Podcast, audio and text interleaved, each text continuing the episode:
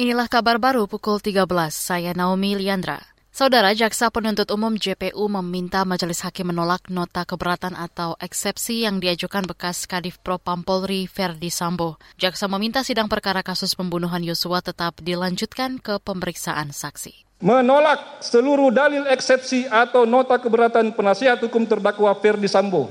Dua, menerima surat dakwaan penuntut umum nomor register perkara PDM 242 garing JKTSL garing 10 garing 2022 tanggal 5 Oktober 2022 karena telah memenuhi unsur formil dan material. Tiga, menyatakan pemeriksaan terdakwa Ferdi Sambo tetap dilanjutkan. Dalam tanggapannya eksepsi Sambo, jaksa juga meminta terdakwa Ferdi Sambo tetap dalam tahapan.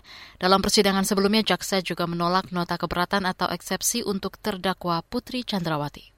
Kita beralih ke berita selanjutnya. Bencana longsor tewaskan satu warga desa Sawangan, Kabupaten Banjarnegara, Jawa Tengah. Kepala Bidang Kedaruratan Badan Penanggulangan Bencana Daerah BPBD Banjarnegara, Andri Sulistyo, mengatakan longsor juga menyebabkan dua warga terluka. Longsor yang terjadi pada Rabu malam menimpa dua rumah. Satu rata dengan tanah, satu lainnya rusak sedang. Jadi dampaknya itu satu rumah rata dengan tanah, satu rumah rusak ringan ya, atau sedang itu ya, harus dibongkar juga. Kemudian ada korban jiwanya tiga, satu meninggal dunia, dua orang luka-luka.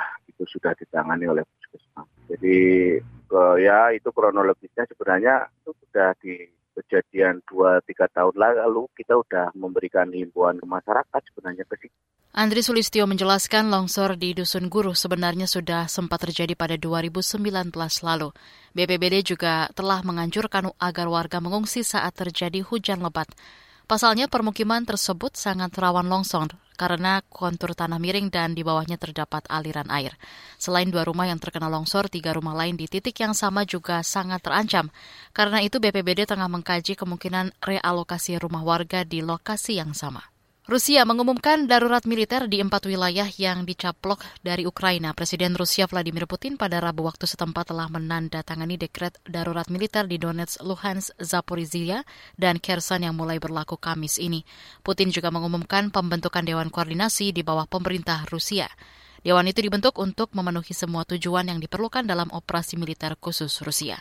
Dewan akan dipimpin oleh Perdana Menteri Rusia Mikhail Mishutin. Demikian kabar baru KBR, saya Naomi Liandra.